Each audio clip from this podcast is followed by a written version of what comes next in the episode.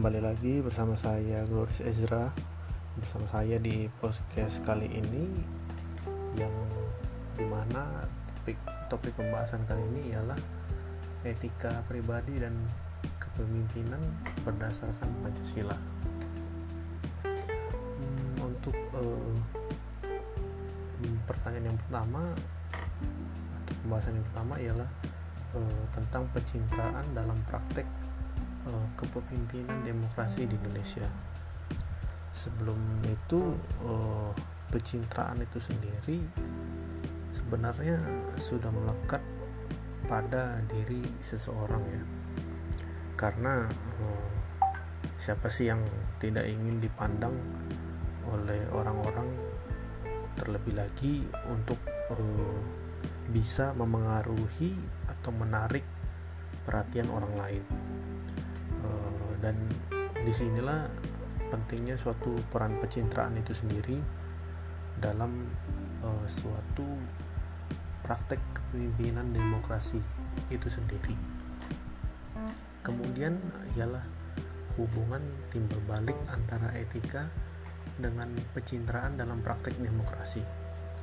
Menurut saya itu hubungannya pasti ada karena uh, etika itu sendiri memiliki pedoman hidup yang benar dengan norma-norma dan pasti akan membicarakan tingkah laku yang manusia yang yang tidak baik, tidak benar dan yang salah.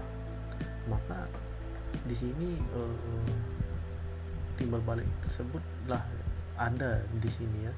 Karena kita yang kita ketahui pencitraan itu sendiri uh, merupakan sebuah satu yang uh, menjadi pribadi yang berbeda yang yang salah yang melari dari karakternya sendiri.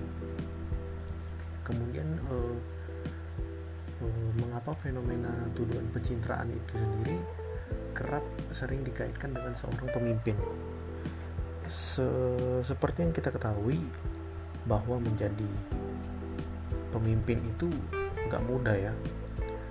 Ia harus menjadi sosok seseorang yang bisa menjadi orang yang penting kemudian harus bisa diandalkan dan bisa mengatasi kekurangan anggota-anggotanya. Dan sebenarnya di sinilah peran si pencitraan itu sendiri muncul karena dia berusaha untuk menjadi uh, orang dengan tuntutan yang menjadi seorang pemimpin ya.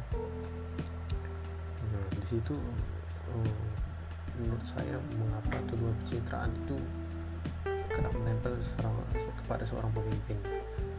Kemudian uh, apakah pencitraan itu sendiri selalu bermakna negatif? Menurut saya uh, karena pencitraan itu sendiri uh, adalah suatu upaya untuk menjadi seseorang yang berbeda menurut saya. Dan e, menjadi karakter yang lain dari karakter aslinya.